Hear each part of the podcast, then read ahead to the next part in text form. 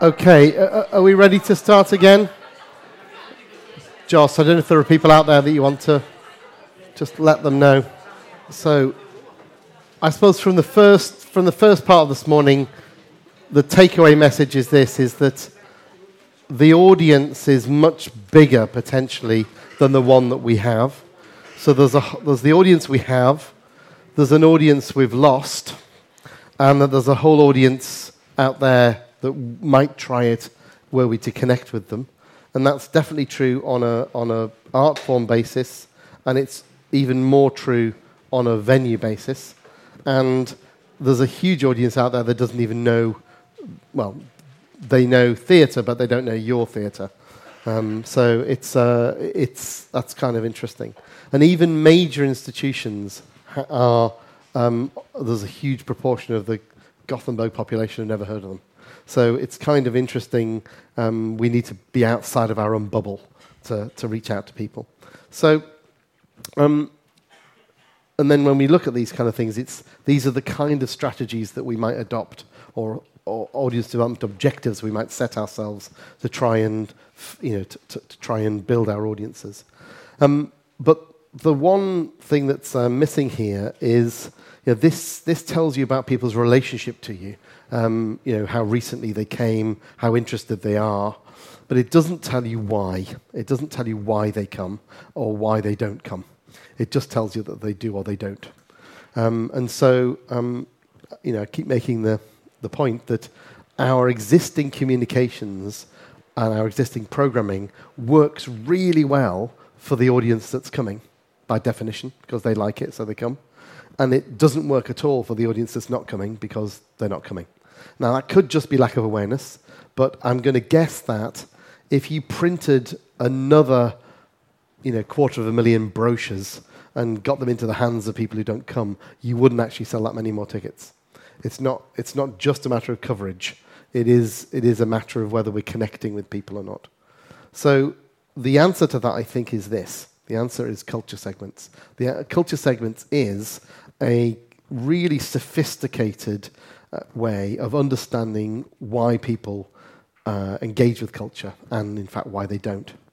Um, and it's the result of a huge study, and in fact, um, it's built on a series of segmentation initiatives over a number of years.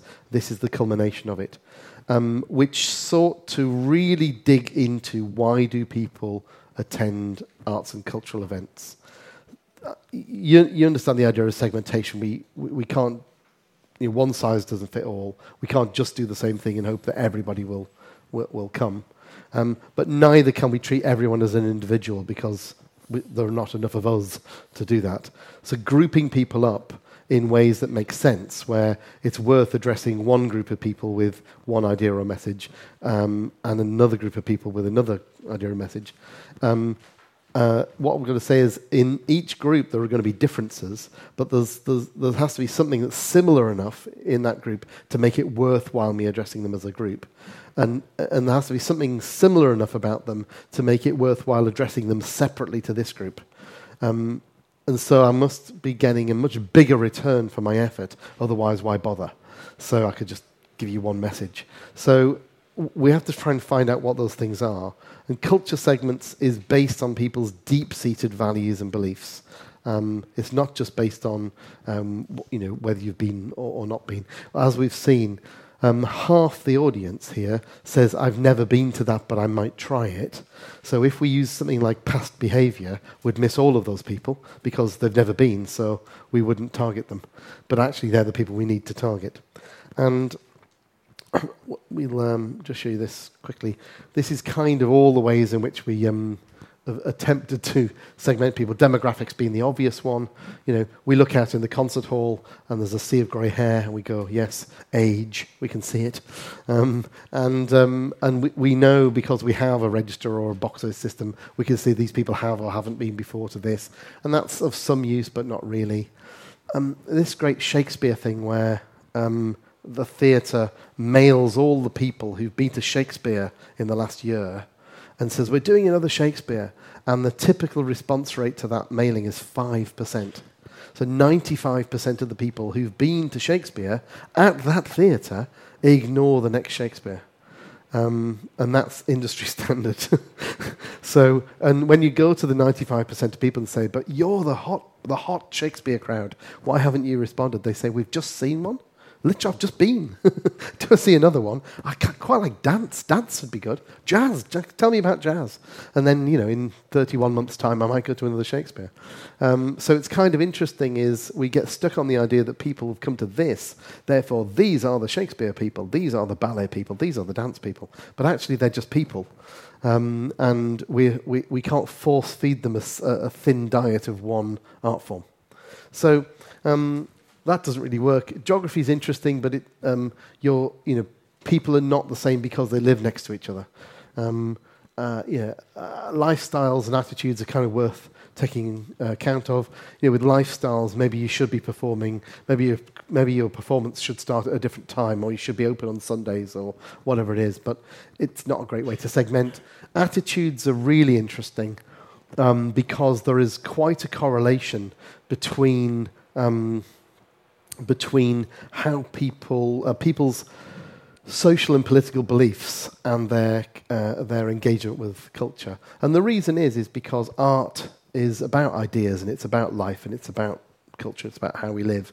So people's beliefs about those things tend to um, um, be relevant to their engagement with art. The problem with this is people lie. So, you know, as you just found in your election, people didn't tell the truth about who they were voting for. Um, so, so we got no chance of su- successfully segmenting by this. So, um, so we use this, which is this idea of deep-seated values. So when you get to the top here, um, purpose, identity, values. This is how you see yourself and how you understand the world and how you understand yourself in the world.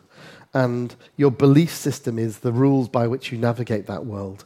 Um, so these are deep seated things that you, you understand to be true about the world. And these beliefs therefore dictate how you, or frame how you engage. All these other things are quite lower level, lower level um, temporary things. The deep seated stuff is at the top, and that's what we've designed culture segments to, to work on. And what's interesting about this as a system is that um, we built it by um, doing the longest survey anyone's ever done. Uh, there was 140 questions in this survey. It, I, I pity anybody who had to to do this survey. It was incredibly long. And it was every question that anyone had ever asked in a, a, a segmentation survey ever, um, plus a few things that we thought might be interesting to add. we literally just threw everything in. There were 140 questions.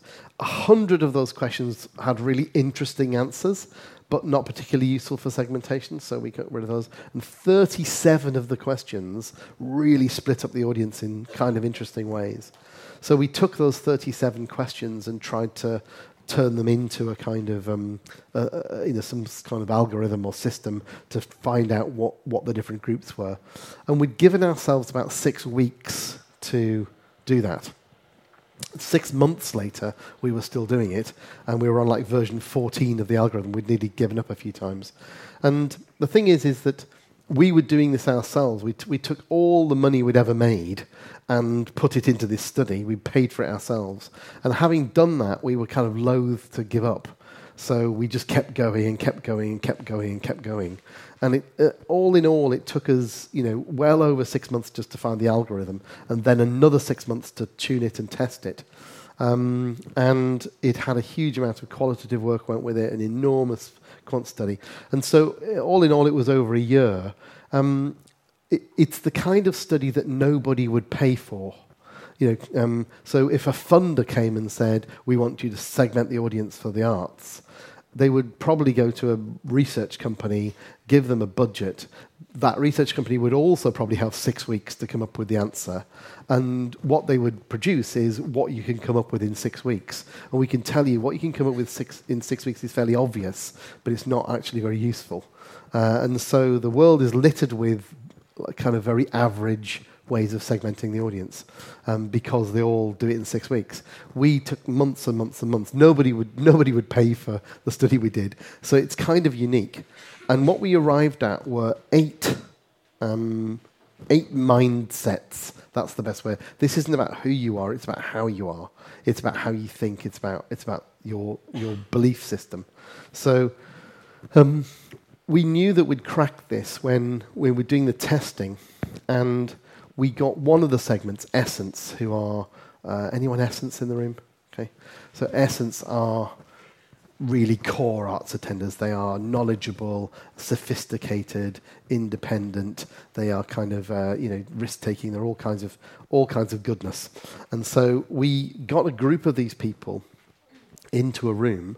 When we looked at them when we got them to introduce themselves, um, they all looked totally. You wouldn't have put them together. You know when you go to a restaurant and you look at the big group on the next table and you try and work out are they all accountants or uh, maybe they're all teachers? You know, you could kind of work out. If you'd looked at this group, you'd have thought that's a weird group because they were all different ages. And when we went round to introduce themselves, the, the first guy said, um, "I'm a, a builder. I left school at 14. I hated school. The only thing I liked at school was drawing." And I, and I had a teacher who really encouraged me to do drawing. And I've always gone to art museums, and I always like to draw, and that's my thing. And then as I've, you know, I became a builder, and now I, I run my own little building company. I've got, you know, three or four people work for me, and I've got a little bit more money, so I've started buying art. And uh, at first, I was buying very kind of conventional things, and then I started to see more contemporary things. So I've now started buying much more contemporary things, and it's kind of interesting. It was just like a, a working class, uh, down to earth guy who just had this passion. We went to the next woman, who was quite a young woman, and she was a nuclear physicist. And I thought, and, I'm not making this up. And, it, and we went round, it was all completely different. But when they started to talk about art, and particularly when they started to talk about contemporary art, they were all very similar. They were all, yes, yes, that's exactly how I feel. And so they were all from different backgrounds, all from different ages, different whatever, but they all thought about art in the same way. And that's what convinces we're onto something here. This is, this is very much how, you know, how all these people um, are re- re- reacting. So, I'm going to do this quite quickly. Uh, there's lots more information online if you don't get this. Some of you will have seen this before, so I'm not going to dwell. But um, here are the essence that I've been talking about before. These look really like the core audience, and they are. Uh, they're frequent, they're knowledgeable, they're confident. Uh, and what they are is independent, really, really independent. Um, and that's the problem. um, they are, um, they're not natural joiners. They don't turn up thinking they ought to support us. Um, they turn up wanting to satisfy their own need to see really high quality art. Um, uh, if it was on down the road, they'd be going down the road. They, they, they start off with zero loyalty. They just want to see the best things. Um, and so uh, they also really quite enjoy not liking things that everyone else likes. Um, so, you know, as a way of saying, I'm not following the crowd. Just because everyone else says it's good, I, will make my own mind up. And even if they see a bad review, um, for some of them, that makes them more likely to see it on the grounds that I'll make my own mind up. Um, and they actually might quite like in, uh, uh, enjoy liking things that no one else likes. Um, so it's about independence of thought and independence of mind and being very inner directed. Um, so they're very, very high value, really high value, but they're also quite high maintenance. So, um, so you have to kind of work hard and you have to look after them if you want to cultivate that relationship with them. Um, it's a stimulation uh, adventure. I'm, I'm in this group. Anyone in this group? A few of us, thank you. See. So we love ideas. We like big ideas. We like new perspectives on the world. We like, like it when things collide together and we see things like we haven't seen before, or someone breaks, breaks the rules to give us a new way of looking at something or a new experience. So we like it when, you know, even in even the experience, we like it when it's underground, pop up at the wrong, you know, on the wrong time of day. We like it if it starts at midnight and, um, and they've done, and it's in some building it's not meant to be in, and they've done something that they're not meant to do um, because it's like a unique experience. It's going to be a new way of seeing something, a new way of understanding something. Um, so, although we quite like big ideas and we like to see things um, challenged and explored, we quite like to do it socially. So, you know, it's it's. I like to see really quite challenging, different, unusual, strange art with friends with a beer in my hand. Um, and if, it, if, it, if the experiment goes horribly wrong, which it often does, I'm with my friends and I've got a beer in my hand, it's okay. and, and occasionally, it's like the best thing you've ever seen. Um, and, uh, and you wouldn't have seen it if you hadn't have gone to that thing. So I like just finding the most unusual thing.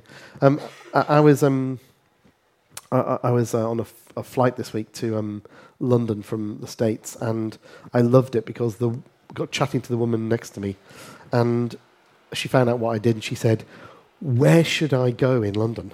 What what should I go and see?" And of course, you know. um, uh, you know, you could go to the British Museum, you could go to Tate Modern, you could whatever. But I told her about this place, and I'm going to tell all you now. See, there's a there's a place called Dennis Severs' house. Has anyone ever heard of Dennis Severs' house?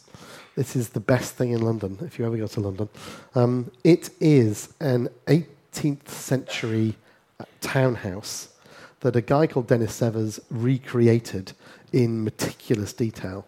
So it is, and it's used a lot for, for TV filming and whatever. But he's recreated a, an 18th century house in central London.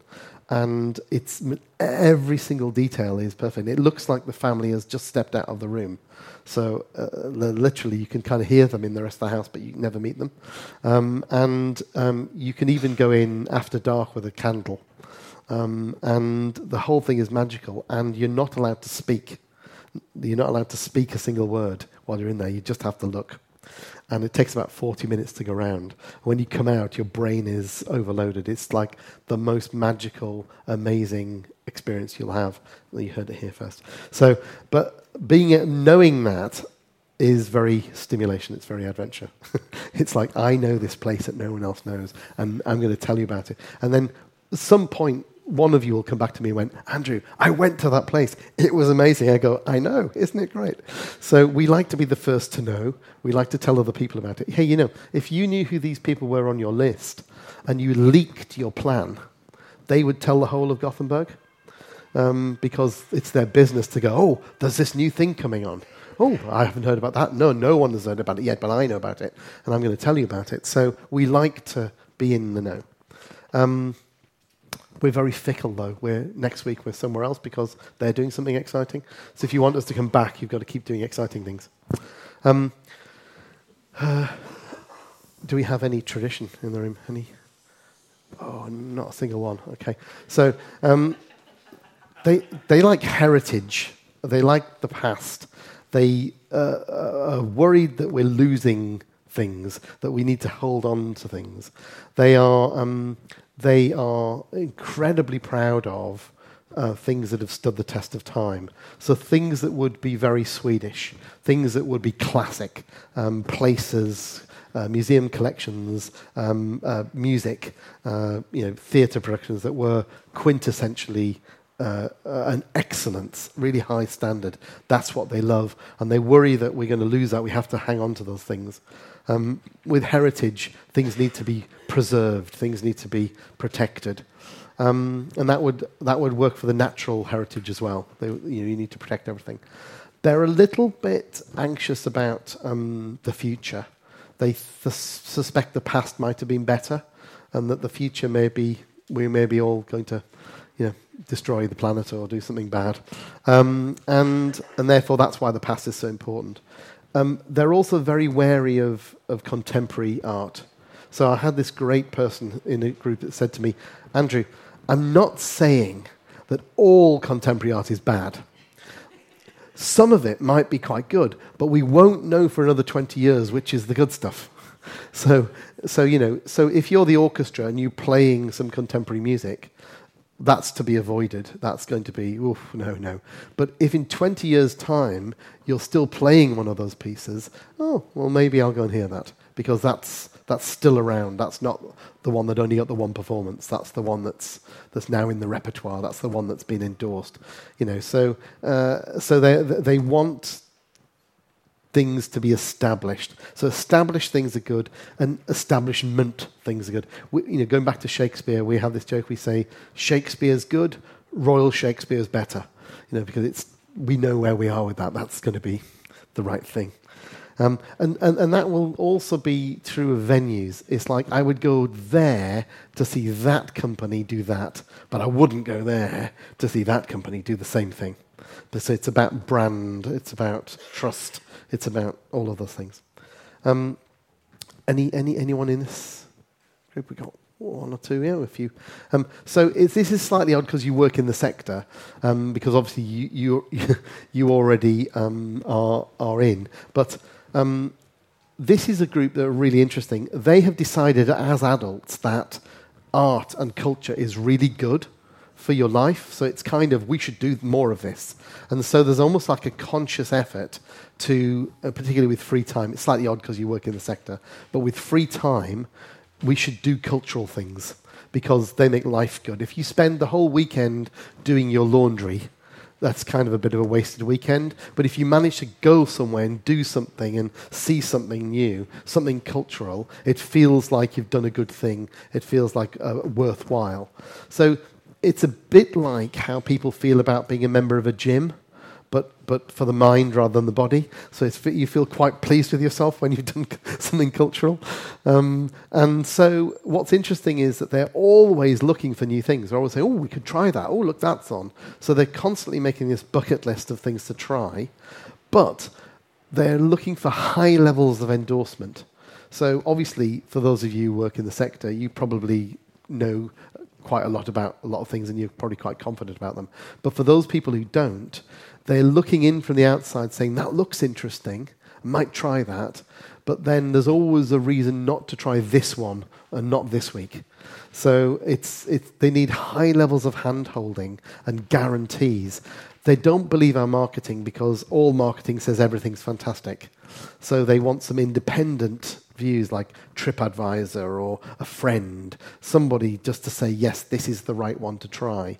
And you don't want to waste their time or their money going to something that isn't the right one. So, um, what's interesting if you get print, you know, publicity for arts uh, materials or web pages, and you try them on, on this group, they, instead of reading them to find two or three reasons to attend, they read them for two or three reasons not to attend. And, and what actually happens is they're fairly easily, they fairly easily find those two or three reasons. So, you know, when we are writing our, um, um, our communications, we are often writing for people who are confident and in the know. And so we forget to explain or endorse it to people who are not. So when they read things, they go, oh, I don't think it's for me, or I'm not sure about that, or I'm not sure what that means. So they'll say, I'd like to try this, but not this one. This one doesn't look like the right one. Um, and then they keep doing that. And they might, uh, they might go to their grave never having tried it because there, were, oh, there was always a reason not to go. Um, have we got many of these in the house? Yeah. So these, take a good look because these are the. Come on, you should put your hand up. These are the really vital people in your organisations. Okay, um, the um, these are the people people. They are networkers. They are brilliant at collecting, connecting people together. Um, they are very empathetic. They're community minded and communally minded. They like the idea of bringing people together, getting people to do things together, being part of something. People in this, in this segment um, want to be part of something bigger than themselves. They want to uh, join in. They're deeply committed to um, access and it being for everyone, and they mean it. They would really like everyone to be engaged in the arts. So there are some segments in here who would like the exclusive private, um, you know, invitation behind the velvet rope to, you know, just for the few people. But I suspect that this segment would really like an open day with like the whole of Gothenburg attending, and where you almost couldn't get in, and you would kind of think, isn't this brilliant? Everybody's here, and we're all doing it together. It's like a huge shared experience. And so they, um, they really have this huge commitment to it. Now, these people, unlike, unlike uh, Essence, these people arrive pre wired to want to support you because they have a fundamental belief that cultural organizations are vital to civilization. So we ought to support the theatre, the museum, the orchestra, the whatever. So, um, so if you ask them for help, they'll say yes. They're the most likely to join, the most likely to volunteer, the most likely to donate, the most likely to go and persuade other people to come. So they are hardwired to support you. Again, if you knew who these people were in your audience, that would really help you because they are the glue. You, you know, they, they, they make your audience into a kind of fabric that, you know, that's, that's strong. They can build community around you. Um, have we got any of these? Okay, so these are the people who are just working too hard. so, um, so all of the people in this segment say that I used to do more arts and culture you know, until my job got in the way, kids and things, whatever. And how am I, how am I ever going to have time to, to do what I want to do? And so they kind of regret not doing as much cultural activity as they would like to. They kind of also regret not seeing their friends as much as they would like to. Um, and so they're just time poor and they feel quite stressed about it. And so they're called release in this case because it's like an escape so what, what arts and culture offers them is a way to, uh, to uh, a kind of antidote to the stress of their life. It's kind of something. But the problem is, is that they don't really know what's on because they're too busy to find out. So they tend to only go to the, the thing that comes across the radar, the thing that everyone else is talking about. So it's almost like if there's, if you do one thing this month, what, what, what's that, what should that one thing be? And that's the thing that they'll might hear about, and that's the thing that they'll do. But again, it has to be guaranteed. If, if you're only doing one thing, you can't afford to waste that, particularly if you're stressed and time poor, on something that's not very good. So you're wanting pretty much a guarantee that it's going to be good. You want to know what it's going to be like before you get there. You're not going to take too many wild risks, seeing something that you've never heard of that no one really knows about. This is going to be, you know, this is going to be something that's on a plate and someone's going to guarantee. Um, my wife's in this segment, so um, she's a school teacher. So she uh, she doesn't do anything. Uh, uh, uh she relies on me to know what's on, except occasionally someone at school will tell her there's this amazing thing, and because they've told her, she comes back to me and says, "There's this amazing thing. We need to see it." So um, and then very occasionally she'll she'll pop up with tickets for something that she'll say, "I've bought tickets to something." where did this come from? And it's because someone, someone has told her that it's good.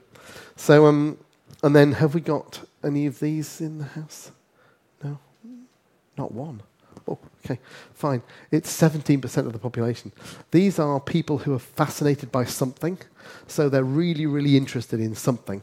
That could be natural history, but actually it won't be natural history. It'll be butterflies.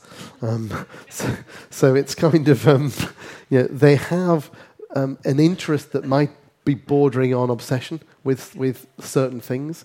And it equally could be the Second World War, or it could be anything. And if you're, if whatever it is you're doing, your, your play, your music, your whatever, intersects with something that they are interested in, then you have a potential to get them. But you have to get, what you have to offer them is uh, something they can't get by sitting at home. So they want to go deeper, they want to kind of connect with it in some way, experience it in some way, but they're looking to make this connection. So if you think about the content of what you do, then if you think about the, the, people who are interested in that content, these, this is, think of these people like that. But they're quite happy not coming. They're quite happy, you know, they like nature, they like gardening, they like reading, they like documentaries, they like all kinds of things. So you have to kind of go out and find them and make them interested. And finally, have we got any of these in the house? None again. So it's quite interesting how we're clustered into four segments. Um, uh, entertainment uh, are really interesting because they really are consumers. They don't put art and culture in a separate category. You know, most of us do that, don't we? We say, well, there's um, we could go to sport, or we could go to, out for a meal, or we could go to the movies, or we could go to a museum, or we could go sailing, or we could go ten pin bowling. So we have categories of thing. What would we like to do? What kind of thing would we like to do? They just have it all as one category, which is things you can do in your leisure time outside the house. Uh, and so when we are putting forward whatever it is we do, we're competing against everything. It's like literally everything. So we have to be better than everything for the, to get them to come. And what that means is it has to be really well known, really guaranteed, and something that I can that does not that I don't have to do too much work up, to do. So they, when they come to a museum, they don't want to be given a map and told, go and explore. It's like, what? They want to know what time does it start? You know, can I get a seat? So they want, or they want someone to take them around on a guided tour. So they want to be entertained. They want to simply turn up and consume the thing you have. Now, you will have um, content like this. You will have a concert that's perfect for them. You will have a, a, show at Christmas that they'll really like. You will have an exhibition or an open day or something that they will enjoy. But it might be that they won't enjoy half of what you do. And so it's best to tell them about the things that they will enjoy and not tell them about the other stuff. Because if they come to the other stuff, they'll never come back. Um, okay. So if we look at the market in uh, West Sweden, um, this is uh, this yeah this is oh here's the distribution of the culture market. So these are all the regions of Sweden. Um, West Sweden is a second bar. These are the segments. This is how big they are in each segment. There's, um, there's an awful lot of people here um, in, in uh, this segment, which is, the, uh, which is release, isn't it? Oh, perspective it is, yes, perspective. The color, th- those two colours are too close together. The, the, these are different, these are different uh, segments. Um, Yes, we should say that. You know, the people are like butterflies, the perspective segment. Sweden's the biggest in the world. That segment. We've never seen it as large anywhere else. So, can't explain that. You're just fascinated by things. I don't know. Um, the um, in, in America, it's 17% in Sweden. In America, it's like 4%, 5%. Uh, short attention span, you see. It's a, it's a cultural, cultural norm. So, um, so those segments um, will lead you to um, be interested in certain kinds of uh, ex- art experience naturally. Some, you know, if we just took those segments, um, let me go back to that slide.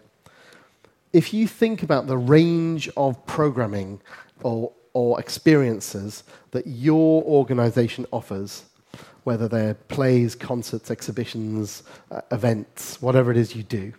Even if you run a festival, if you think of all the different events in the festival, if you just think of the last 10 things that you have done as an organization or you're doing at the moment, um, how easy do you think it would be, just even on my very, very brief explanation there, for you to map those uh, uh, events or those uh, that content against this to work out who would be the natural audience, natural segment for each of those things. Could, does that make sense to you? Can you? Can anyone give us an example of that? Like we've got this show, and it's definitely that segment and that segment. Or do you think that your organisation, without even measuring it, you, do you feel fairly confident that your organisation gets some of these segments and not others? Yeah. So which ones do you think you're getting? Yeah. And sorry, you're from? Okay, yeah, fine. And why do you think you're getting those ones and not the others? We are getting some of the others oh, yeah. as well. But, but why do you think you do particularly well there? We've been working uh, with uh, things around the place, like uh, discussions and yeah. Uh, things like that. They love a discussion. Yeah. yeah. and open rehearsals. Yeah, oh, well, that, they would really like that. They like to be involved. Mm. They wa- and they, they like to be part of it. Um, it's interesting about the discussion, though, because it's possible to make a discussion uh, unappealing to them. Um, mm. I'll give you a British Museum example. They had a thing called um, lunchtime lectures. And all it was was they had a, curator with one object. It was really accessible. It was like one curator talking about an object. It was brilliant. It was like you know 25 minutes, and it was just really ex- interesting to hear them talk about this object. And somebody called it lunchtime lectures. Um, and who do you think? Which segment do you think would come to lunchtime lectures? Well, nearly everybody. Nearly all of them were in this segment here. Yeah. Um, the thing is, I think this segment would have liked it, but they, they weren't in the museum. they were at home. So um, uh, they were nearly all that segment. And um, why do you think that this segment didn't come? Because they would have loved it. Why didn't they come? Because of the name. Somebody loved the idea of lunchtime lecture because it was la la. And, um, but with, when we asked these people about lecture, they said, "Oh, do you need like to be enrolled or like accreditation, or do you need a badge? In, do I need to take notes? Do I need to be studying something?" Um, uh, whereas these people just thought, "Oh, yes, I could go to a lecture," and just rocked up. They changed the name. I should say they got about 20 people every week, and it was kind of the same 20 people every week. Um, um, when they changed the name to Lunchtime Talk, suddenly all these people went, "Oh, a curator's talking about something. We could go to that." And they had to they had to move it to a much bigger room because, like, literally now, like hundred people were turning up because it was exactly the same event. Exactly, didn't change the event. They just changed the name of it. So it's kind of interesting. Then you lose the the essence. Uh, no, actually, they, they, no. It's a good question, but they kept coming because keep coming they they wouldn't turn up a chance to meet a curator. Okay. That's that's really quite cool. but um, you know, but it's it's it's just about confidence level. It's about could I could I really do that? Yeah, that's that's kind of interesting. Please at the back. Oh. Ah, well, th- the little test that you did, we got them to do it. So, yeah. So w- when we were there, we just said, would everyone mind just doing this? for two minutes. And they went, oh, yeah, okay. Did it for us, and we found out who, found out who was in the room. Yes, but we've also can do it. We also do um, an exit survey um, uh, from the museum. So we list some of the events that you might have gone to and ask whether you went to any of them. And also we, we ask these questions as well so we know which one you are. So we can tell these people are doing this, these people are doing this. Um, for, for a museum like that, we can tell which segments, you know, we can tell how often they're coming, but we can tell how long they spend in the museum. We can tell which exhibits they went to. We can tell whether they bought anything in the shop. We can tell all kinds of things. I can tell you, for example, in museum shops, different segments um, are more or less likely to go to the shop. Um, some of them are quite likely to go to the shop and not buy anything. Um, uh, but the ones that buy, uh, each segment tends to buy different things in the shop, quite different things. Then, then they spend different amounts of money and they buy for different reasons. So if you're kind of choosing the stock to put in the shop, knowing which segments buy what for how much is kind of quite useful to you.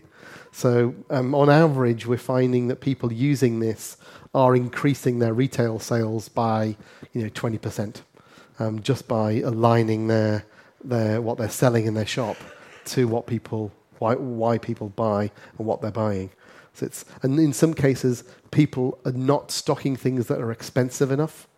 So, so there, are, there are people who want to buy really expensive things from your shop and can't find it. So they, they don't buy. It's, you're too cheap. okay. Um, so, uh, what, i what I'd like to have a, have a go at, I'm just going to. Um, I'm just going to show you one more thing. Uh, those of you have seen it, but I think this is a really useful example. This is the Barbican in London. This is their membership scheme. It could be anything, but I'm just going to show you membership. They've got one membership scheme. It's a standard membership scheme. Um, previously, they just had a thing said "Join our membership scheme," and people, some people did. They've used segments to try and boost their membership by creating three different propositions. This is in print, but it's also online in social media and, on web. Um, and what happens is people um, actually people see all three of these. There's three different ones, but they tend not to see the two that don't appeal to them. They just see it but don't really look at it. But when they see the one that appeals to them, they go, oh, look, that's interesting. And so membership has gone up significantly because people are, ch- are tuning in to the, uh, to the proposition that meets them. So this one is for stimulation. This is membership for adventurers. It says, dare to try something new. This guy looks like he's going to do parkour around the, uh, it's his concrete kind of um, art centre. Um, this one is uh, for expression. So it says membership for lovers, share the love and bring a guest to the gallery, because one of the benefits of membership is you can bring someone with you. Um, this guy looks like he's doing it alone, doesn't he? um, but this, this is all very social. And then we have for essence, um, membership for Trailblazers. So this is be in the know, special events bring you closer to the art. So these are three very, you know, this guy's kind of in the Savile suit. He looks very Gilbert and George. So in the kind of slightly, um, uh, you know, contemporary um, background. So these are three different kind of images and three different kinds of propositions aimed at three different segments, but it's actually all the same membership scheme. So whichever one of these you choose, you end up in the same place. But more people are choosing it because they're seeing themselves reflected in the message. Please.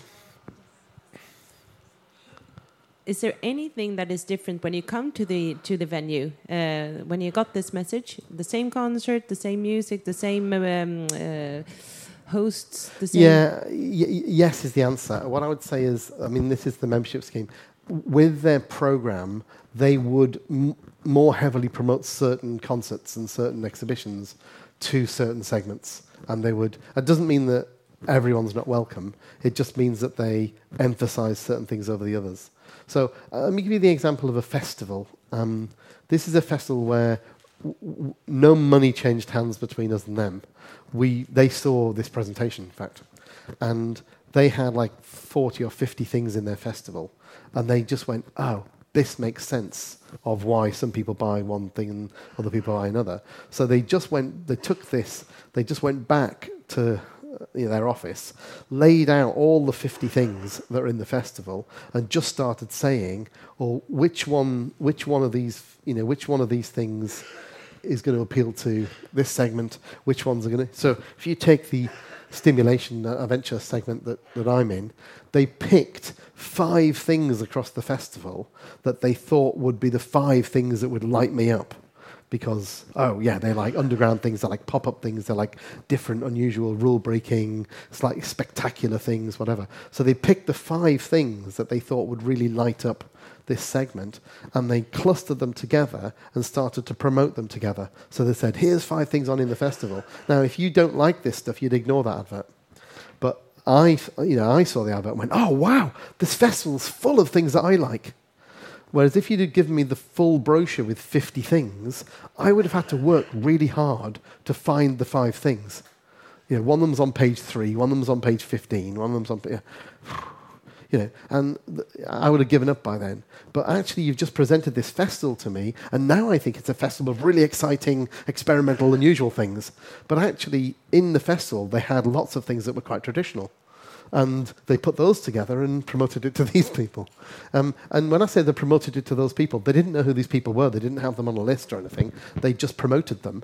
And it's like a heat-seeking missile. People, people will find their own um, message. I mean, you might put it in a different channel.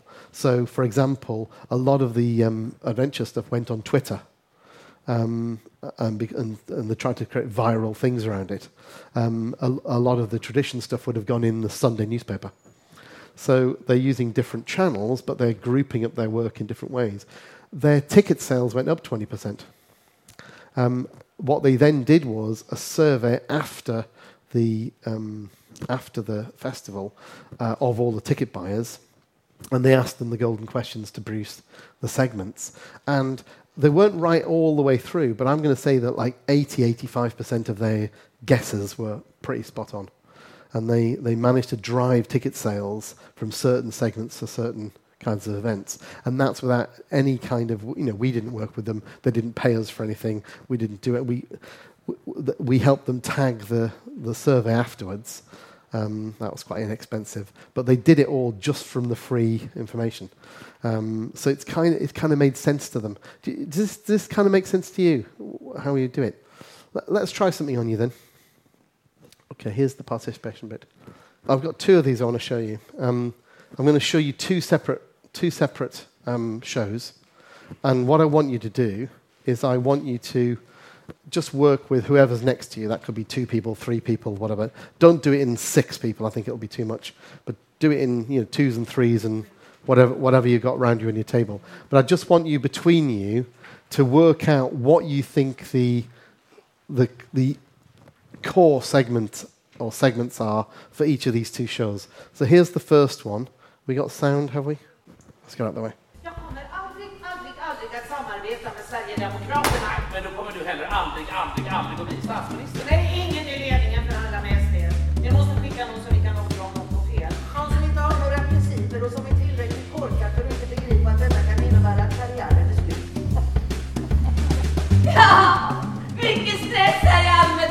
Vi vill att du förhandlar med Sverigedemokraternas gruppledare Stefan Eskil och så vill jag att du blir kulturminister. Vem fan vill vara kulturminister?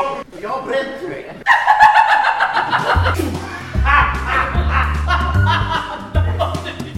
Vi tycker precis som alla människor i det här landet. Gå och glo nu på! Har du inte sett en kors? 해당.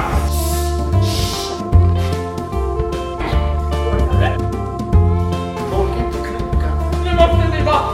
어, 틀림없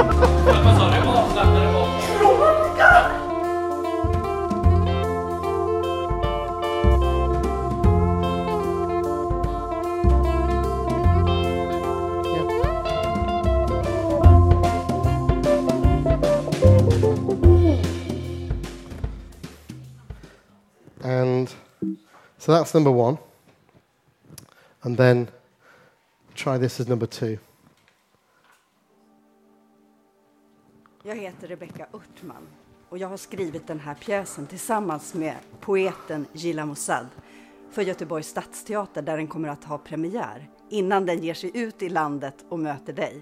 Det här är en berättelse om en av Irans största kvinnliga poeter, Forug Farrokhzad. Den sätter ljuset på hennes liv och henne som tänkare, poet och dokumentärfilmare. Hon har ett dramatiskt liv som vi får följa och det är ett stort passionsdrama med mycket kärlek och erotik. Jag vill göra den här pjäsen för att det finns en sån stark berättelse om en ung kvinna som tar makten över sitt eget liv och driver det eh, framåt. Och det blir liksom som ett upprop till oss alla, alla människor, att göra samma sak.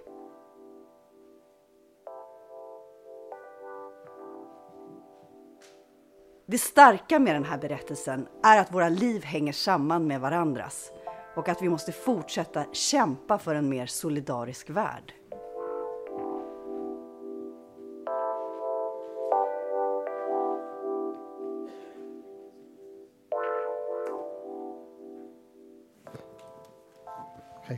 So, um, two different shows. What I want you to do in just within your neighbours is two things. Can you tell me what you think the core segment is, using the segments in the middle pages of your booklet there? Which is the core segment for each of those shows? And then uh, a second question, which is Is there another segment that you could find a way to get that segment interested, but you'd have to come up with a kind of angle, or if we push this angle, we might be able to get that second segment to also come. So, number one, obvious segment for each show, and then a potential second segment for each show. Just do it with your neighbours. I'll give you a few minutes. Uh, okay, let's see where we got to. So, for, for this first show, for this first one, what, which segment do you think was the core segment for this first show? Anybody? Okay. Anyone else? Release.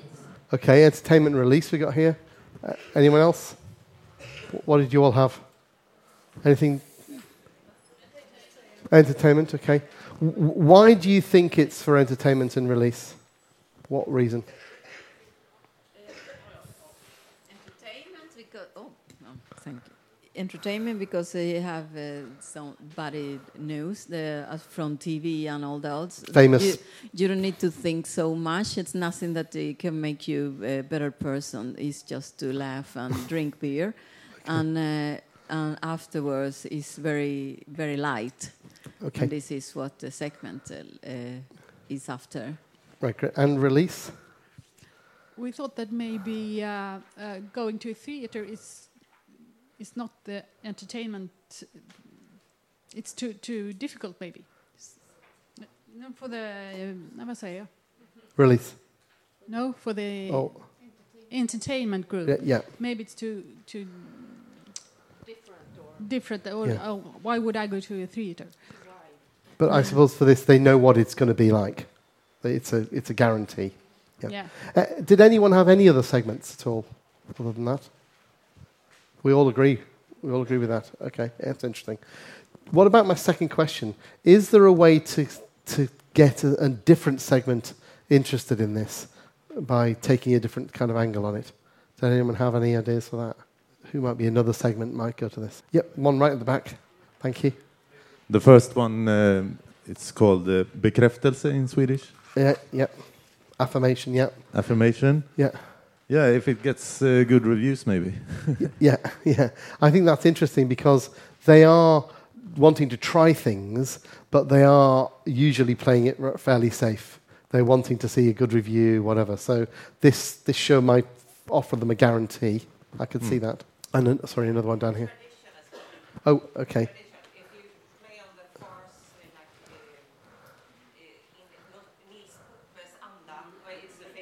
Yeah. As well. Yeah. So, so we're looking at looking at tradition there uh, because it's it's kind of um, uh, an established art form. It's an it's a known thing. It's not trying to do something, you know, different. It's it's it's it's it's quite um, reinforcing of things you already know. Yeah. Okay. Thank you. Let, let's move on to this one. That's slightly different. This one, isn't it? So, what do we have for this one? Who, who hasn't told us yet? Which segment? Which segment for the second one? Uh, just hang on a second. Yeah. Anybody? Essence. Okay. Was that what you were going to say? okay. sorry. Yes. Sorry. Um, we can. There we go. So, um, from the top, that would be essence. Um, they're named for what, what role they play in your life, so that's essential to your life, like oxygen. Um, adventure would be stimulation in English. Um, tradition is enrichment in English. Um, uh, this is um, affirmation in English. That is expression. This is release. This is perspective. And this is entertainment. That helps. Yeah. So, quite a few people saying um, the top left one, uh, Essence, for, for the second show.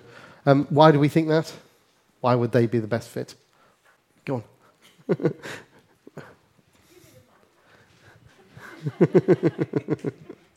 Yes, because she is looking. She is quite serious, and she explained it everything inside the performance, and it, she tends to be uh, knowing what she's talking about, Yeah. and uh, she is uh, is not uh, trying to sell. Yeah, in the last minute, she says something that is like, um, you know, this is about the world uh, keeping together things, and this could be a bit dangerous for an essence person. Okay. This is the only thing I react Why do you think it's dangerous to Essence? That's because then it's like okay, mainstream, Yeah. kind of, but this is maybe flirting with. Uh, uh, gemenskap, uh, how do you say it, uh, expression Yes. that Yeah. come with everybody Yes. together. And uh, but is it is it little bit? Uh huh. Okay, but it's not so dangerous that Essen won't uh, No. come. Okay.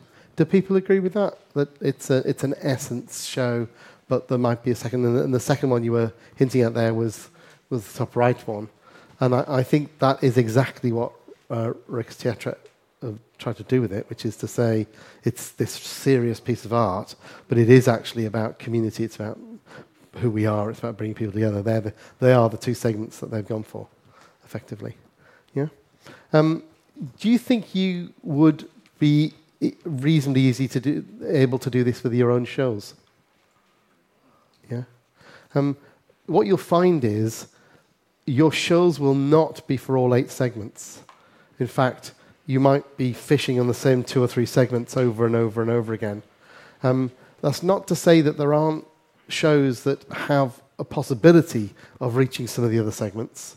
Um, and also, even if you aim for those segments, you'll get some of these other segments anyway. It's not exclusive. Um, but most people in their cycle of shows have got at least one show that could play somewhere else. Oh, we, there's an angle here, where we can get these people to come to it. And that might be, who- it's got a famous person in it. It could be that it's well known. It could be that it's got some popular culture reference to it. It could be something.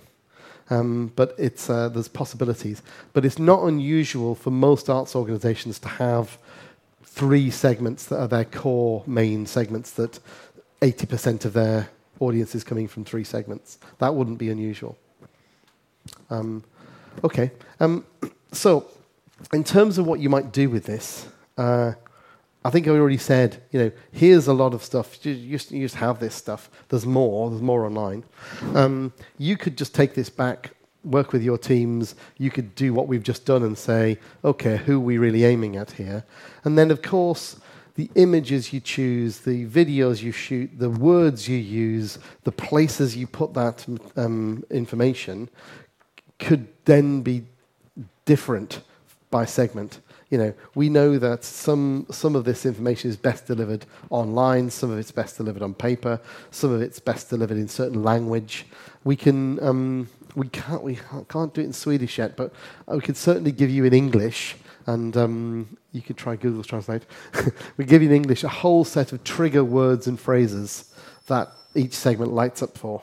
Um, so you know, if um, so, for example, the expression segment, they like anything that's like join in, be part of it, bring together. Whereas you know the um, the, the top left segment here like things that are about the art or the artist or the curator or the kind of excellence of it or the or the or the idea. Um, you know, adventure like underground pop up, dangerous experiment, weird, strange, you know, whatever. Um, and, and, and yeah, I could give you the ones for the other things as well. Um, so, so there's a whole way in which we could communicate. Um, I'd like to just um, uh, do two things. I want, want to show you one more little example. Right, just want to show you this. This is a little mini case study from a, a venue called The Place in London, which is a dance, uh, a dance house. Um, they, uh, not surprisingly, get a lot of essence.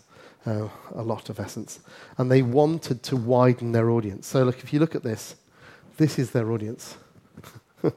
so you can see how, how over indexed they are here. So they, they wanted to, ha- to get uh, the expression and the stimulation. They wanted to increase them. So what's, what they did was um, we, we did a survey to look at who was in it. We compared it to the wider market. We looked at who was uh, overrepresented who was underrepresented and we looked at a differentiated campaign. We wanted to do different campaigns to, to reach different audiences. And then we tracked um, the impact through the box office. So we monitored the ticket sales. There's something in here on, um, oh, no page numbers. There's something in here, um, which is the page immediately after that, which is called Culture Segments Tag Tool, which I'll talk about in a little minute. But this is what we used at the place. Um, uh, we plug this into their box office ticket system um, or their database, and it tagged all of the people who booked tickets. So um, we knew who was booking tickets. Um, it's a little bit of software um, that, that is on a relatively cheap license, but it, it has the ability to add segments to, to ticket buyers. Um, and we use uh, yeah, segments tool. So um, this is the core campaign um, the company is called Protein. The show is called Border Tales. This is the standard print for it. This is the print that Essence audiences were booking tickets for everywhere this show went. Um, but but other, other audiences weren't so much. Um, so it's perfect for those. And this is the differentiated campaign. This is a campaign done by the venue itself, not by the company. And um, this is a campaign uh, that actually features the uh, dancers in the show uh, and, and, the characters in the show. So you'll see that this is really poking into uh, prejudice. So it says things like, um, "I think you think I drive a minicab. Um, I think you, uh, you know, I think you think I'm a gang member. I think you think I'm good at kung fu. Yeah, um, I think you think I only have white friends." So this is about perceptions and prejudices. Now, immediately, the uh, expression segment because they're like people and they're like connecting people and they like to be part of it and they like biography and they like people's stories and empathy. They're like, oh, this is interesting. It's about people and it's about their own their own ideas, and um, and so it targeted those people and also uh, stimulation like this because it's oh this is this is different. This is kind of exciting and it's a bit edgy, isn't it? You know, so I think you think I am prejudiced, and so if we if we dive into these, you might not be able to do this, but it's um, do you think Eric drives a cab? Um, if he thinks that's what you think, does that make him prejudiced? Um, in Border Tales, he will reveal more about his background and coming face to face with others' assumptions based on his looks. And then the other one says Kenny could be a martial arts expert, but he isn't. Um, however, people make presumptions about him because of his looks and his athletic agility. Born in the UK, Kenny tells his story of growing up here and his own prejudices, as well as expectations placed on him by family and tradition. So it's kind of this is kind of interesting, and this is actually what the show's about. what's really interesting is that that's what the show's about, but when they do the normal dance print, you, you'd be pushed to tell that that's what the show's about. Um, but when we, when we start doing this kind of print, this is what the show's about. Um, now, what's interesting is they got a load of ticket sales for this. I mean, huge numbers of new people um, from these segments came. And about an hour before the show was on, before they opened the doors, and we were expecting huge numbers of expression, particularly coming that night. Um, the, we walked through the, the cafe with the manager of the, the, the, the artistic director. And the cafe is a really nice cafe, and it usually has lots of little tables. And when we went into the cafe, it looked really odd. All the tables were in these kind of long lines. It looked like there'd been a conference or something. And the, the artistic director said to the cafe manager, Oh, wh- wh- what's, what's happening here? Um, you know we're opening the doors in an hour. And uh, the, the cafe manager said, Yes, it's, tonight's when we've got all the expression coming in, isn't it? And he said, Yes. And he said, Well, we've, we've read the profile of expression, and we thought that they'd all like to sit together on communal tables and, and like meet each other. I should. Uh, there we go. so it's um, you know, so so what's interesting is is the the cafe manager had understood the nature of the audience that they're all first timers they're all going to come into the venue they're all going to be meeting each other so it, it, it's I, I think at the point at which your the building's cafe manager has understood your audience development uh, thing we've won so um, so and it really is in a way it's like a common language we find that marketing, artistic, you know, um, v- venue people all get this. This feels understandable to them. And therefore, whether you're thinking about your programming, whether you're thinking about your marketing, whether you're thinking about the actual pres presentation or the visitor experience, you can all work together to try and enhance this. And before I was saying you've got to have a strategy to keep people. You've got to have a way to invite people back to try stuff. You've got to have a proposition to go and out and get the people who don't think it's for them. Well, this is going to be critical in that because you need to understand who they are, what they're thinking, what their kind of experience they're looking for. Um, does that make sense? Um, I should also say that. Uh, these were some of their sales figures. Um, normally, they sold 62% of the house. It went up to 73. Um, new bookers were normally 20. It went up to 45%. Um, direct marketing was usually 7.6% response to direct mail, and it went to 15. Um, and, uh, and therefore, they could get the same number of tickets on half the marketing spend, or twice the number of people for the same marketing spend. So all of this stuff is hugely potent. It's you know it's really effective. How many emails do you get in your email tray? I get too many. Um, there are some that I always read. There are some that I think I ought to read and kind of hope, mean to get back to them. Sometimes I do, sometimes I don't. And there are ones I just think, oh God, not another email from them. Yeah, is that kind of it? You don't want, you want to be in the first group, and you get into the first group by every time you send something, it's relevant. It's uh, it's talking a language that I'm interested in. It's saying something relevant to me. If you speak to me in my language, I'm much more likely to respond, to read it, to whatever. If you speak to me in someone else's language or no language at all, just generic, then you know take your chances. But that's why it's only seven percent response rate. So um, I think that uh, you know whether you just use the um, this knowledge to, in, you know, to to feed your intuitive marketing, you'll do better than you're doing now.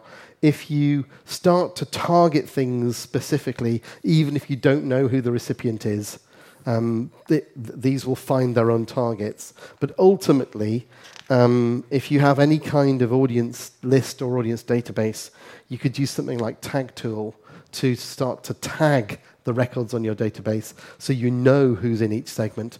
Um, it's not a lot of work, by the way, to send a different version of the email. It's, you're not writing a totally new thing from scratch. You're usually just tweaking it. You might put a different subject line on it. You might change the picture. You might move paragraph two to paragraph one. You know, it's it's not much work, but it's also quite fun to say, oh, here's the essence version and here's the stimulation version. It's actually quite fun to do it, and um, and you get much much better results, like much better results. So that's something you could do. Um, but we'd, I, I think, um, you know, what we're saying is that uh, we'd be happy to, um, you know, if you either now or afterwards, we'll email you all with with all of the information. We'd be happy to just, if you want to email us and ask questions, we'd be entirely happy. Um, also, you know, if you if you're interested in Tag Tool, um, there's information we can send you on that as well. Um, but I'd also say that um, you might want to think, and I don't want to kind of step on your toes here, but um, a lot of the organizations we're working with um, have started to collaborate with each other. And what they've started to do is um, realize that everyone, I think this will be true in Gothenburg, I bet everyone in Gothenburg who's been to an arts or cultural event in the last 10 years has had their contact details captured by somebody, by one of you. So almost everybody in Gothenburg will be on someone's list. But all those lists are bits and bits and bits and bits and bits. You've all got a little bit of the list. But nobody's got the whole list. Um, and what we've been doing in a lot of cities we've been working in uh, using culture segments is to get those organizations to work together to build a list of everyone um, by everybody inviting their own list to join a bigger list. And on the way into that list, we're finding out which segment they're in. We're asking them which um, art forms they're interested in. We're asking them which venues they've been to. And because of that, you can literally take this data that we showed you at the beginning.